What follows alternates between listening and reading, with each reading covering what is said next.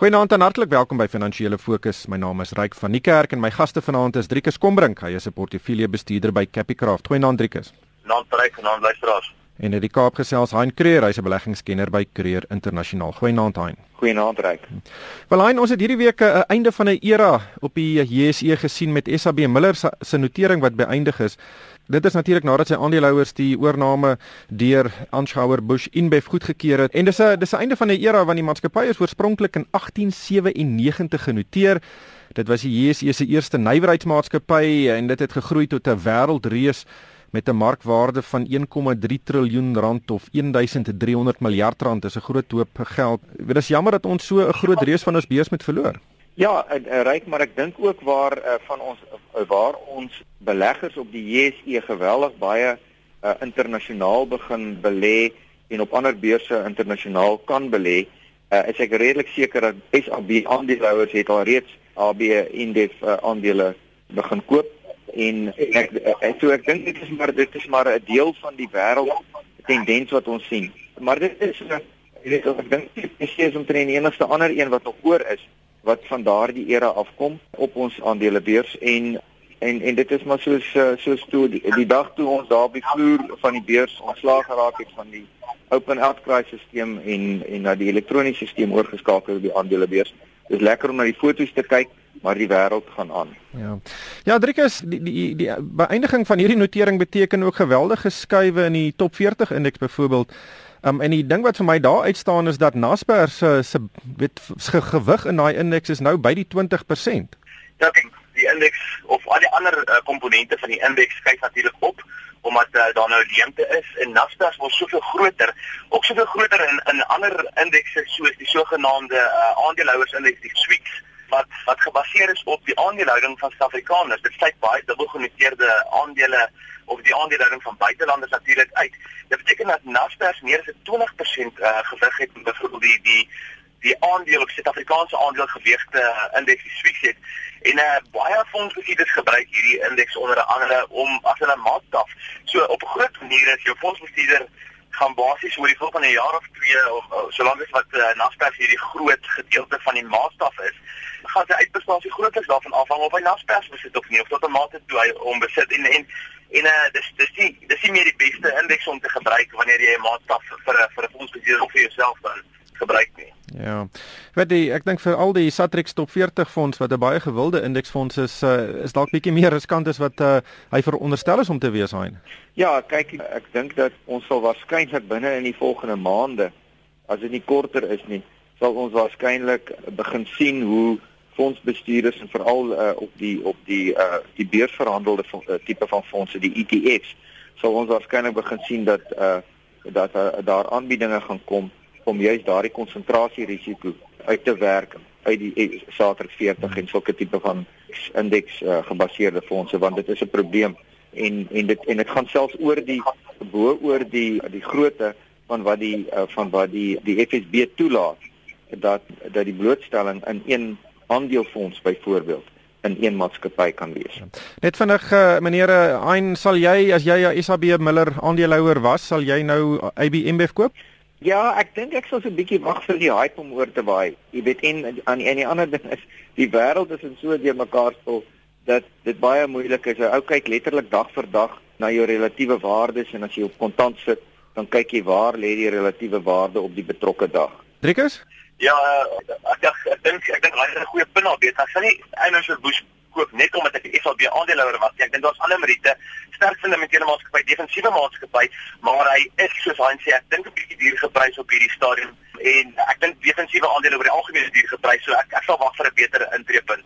Nog 'n interessante storie hierdie week, Hein was uh, Christo Wiese wat uh, daarop gesin speel het dat Steinhoff en Shoprite dalk saamgevoeg kan word in die nabye toekoms.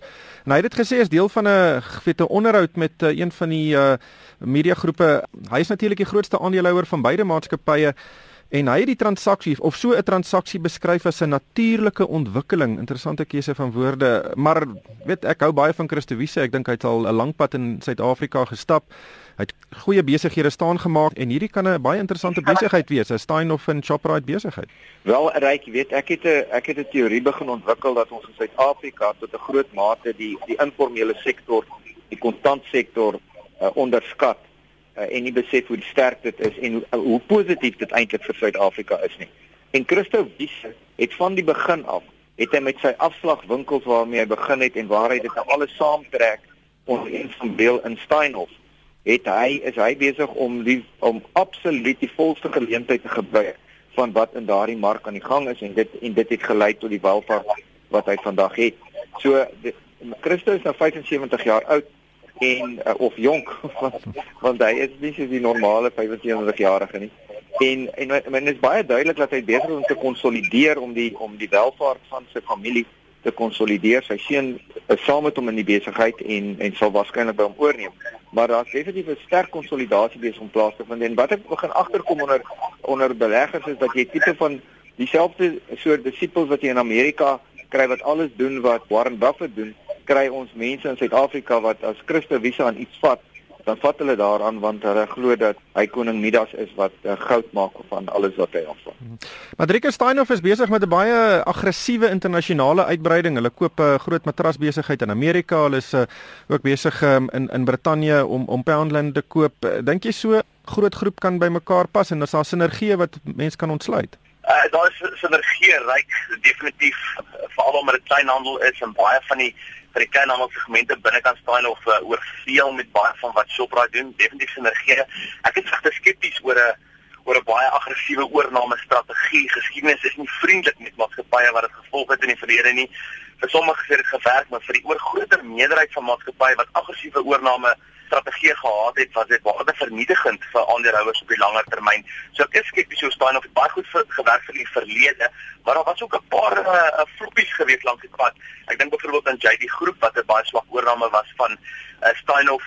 Uh, dan is 'n ander te gelykheid as die Europese krisis, skuldkrisis in 2011-2012 uitgespeel het met al die skuld wat hulle moes oorrol net daarna vir Steinhoff.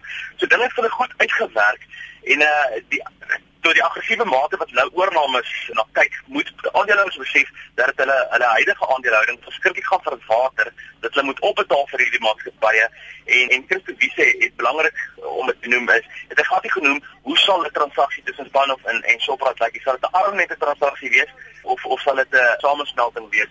En dit is belangrik vir huidige aandeelhouers so Spanoff om daai antwoorde te kry. Ja, ons sal dit maar dophou. Dan hy nog 'n interessante stukkie nuus hierdie week is is is die boek wat Adrian Lakay en Johan van Logrenberg gepubliseer het. Sy naam is Rogue: The Inside Story of SARS Elite Crime Busting Unit en dit is hulle weergawe van wat die afgelope paar jaar by die Suid-Afrikaanse Inkomste Diens eh, gebeur het. Nou natuurlik, dit is hulle antwoorde op die aantuigings dat daar 'n geheime ondersoekeenheid was wat mense onwettig afgeluister het onder meer Jacob Zuma. Ehm um, ook daar was ook beweringe dat die Inkomste Dienste bordeel bedryf het, maar maar hulle maak 'n paar baie sterk tellings in hierdie boek wat uh, daarop dui dat alles nie wel is by die Inkomste Diens nie. Ja, ek dink hierdie boek is 'n boek wat elke Suid-Afrikaner behoort te lees om mense in perspektief en in konteks te plaas met wat in die land aan die gang is. En die belangrike ding van hierdie boek is as 'n oud joernalis sê ek dit nou en dit is dat ons het hier die die eerste partye, primêre party wat sy storie, die geleentheid kry om nou sy storie te vertel. En dis die mense wat die hele tyd onder beskuldiging staan en uh waar jy dan die storie derde aan skry en nou kom hulle en hulle sê hoekom en hoe hierdie ding gebeur het en hoekom hulle dit gestig het en hoe dit en en en wat hulle kant van die saak is. En ek dink dat uh, dit is baie belangrik om om daarvan kennis te neem. Ek dink jy weet daar is niemand in Suid-Afrika wat meer twyfel daaraan dat ons met 'n geweldige kaping deur kriminele elemente sit van staatsinstellings wat dit tot hulle voordeel gebruik en tot nadeel van die amptenary wat hulle werk doen en tot nadeel van die belastingbetaler en die burgers van die land. Ja. Wel, een van die die, die interessante dele is die weet die Suid-Afrikaanse Inkomste Diens was een van die voorbeelde van uitstekende koöperatiewe bestuur binne die regering en uh, die aantuiging van uh, van Logrenberg en Lakay is nou daai koöperatiewe regeringskwaliteit uh, dis heeltemal in sy fondamente geskit en alles is nie wel daar nie, Driekus. Ja, ek wil net dieselfde ding sê ryk is dat ons gedink het dis 'n welfunksionerende of 'n goeie funksionerende gedeelte van die van die staatsdepartemente. Ons self self altyd daar getroos, maar uh, ons moet besef wat 'n groot prys die Suid-Afrikaanse inkomste diens of dan net soos die tesorie natuurlik is, wat 'n groot prys dit vir kriminele elemente en vir politieke elemente is uh, wat wat mag aan betref en wat korrupsie aan betref. Dit is 'n geweldige prys vir hulle en om ou moenie verbaas wees dat dat hierdie uh, departemente geteken word nie. Ja. Kom ons kyk 'n bietjie in die buiteland, um, Hein. Een van die groot stories wat ontvou is Deutsche Bank wat diep in die moeilikheid is uh, en weer druk op die finansiële sektor plaas. Wat gaan aan by Deutsche Bank en, en wat is die implikasies daarvan? Wel 'n ryk Deutsche Bank is is uh, seker een van die grootste banke in Europa.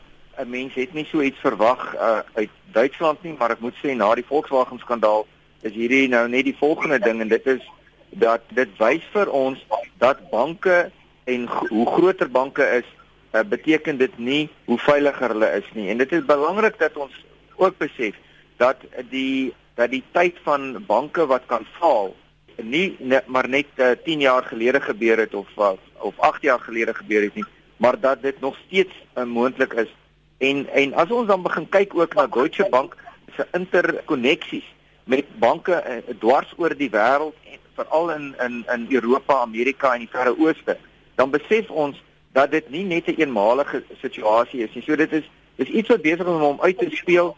Uh, ek sien uh, Turkye begin al daarna te kyk om 'n uh, aanbod te maak om om uh, Deutsche Bank te koop terwyl daar geweldige hoeveelheid mense in die in die in Duitsland is wat sê die die Duitse regering moet iets doen, maar hulle sit op hierdie stadium op hulle hande. Maar hierdie ding het 'n effek op die op die wêreld en dit en weer eens skaad dit 'n uh, geloof wat mense het in banke en dan hardloop mense vir die berge en begin hulle geld onder die uh, onder die matras te bære. Hmm.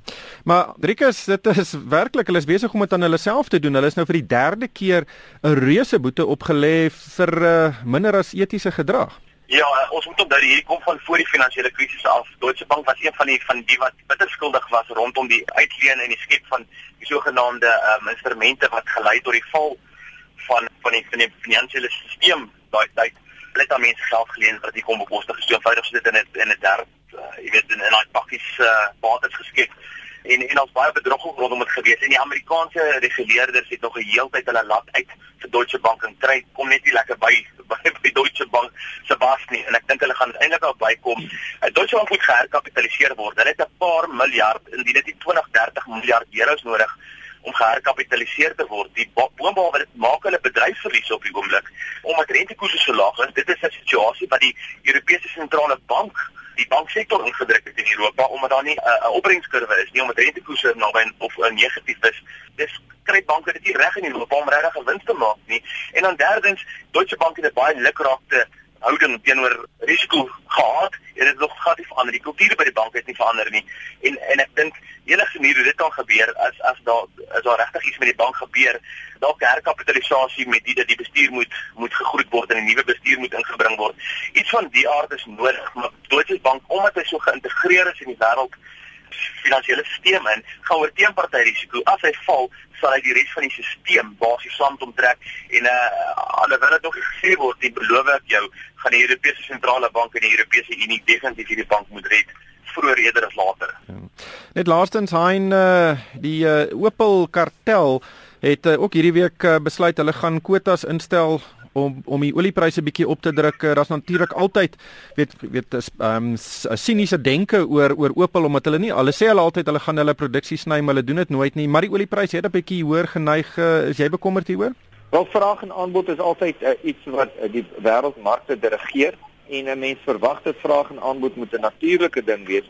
Maar wanneer dit wanneer dit kunsmatig begin toegepas word, soos wat ons byvoorbeeld sien uh, met uh, deur Opel en die houvas wat hulle op die oliemark het, dan dan eh, kan 'n mens nie help om sinies te wees daaroor nie. En ehm um, so ek is maar redelik skepties oor wat aan die gang is. Ek dink hulle is regtig waar besig om om teen die wind op te probeer seil want uiteindelik dink ek gaan die natuurlike vraag en aanbod die dag reguleer uh, en ek dink ons is baie ver daarvandaan.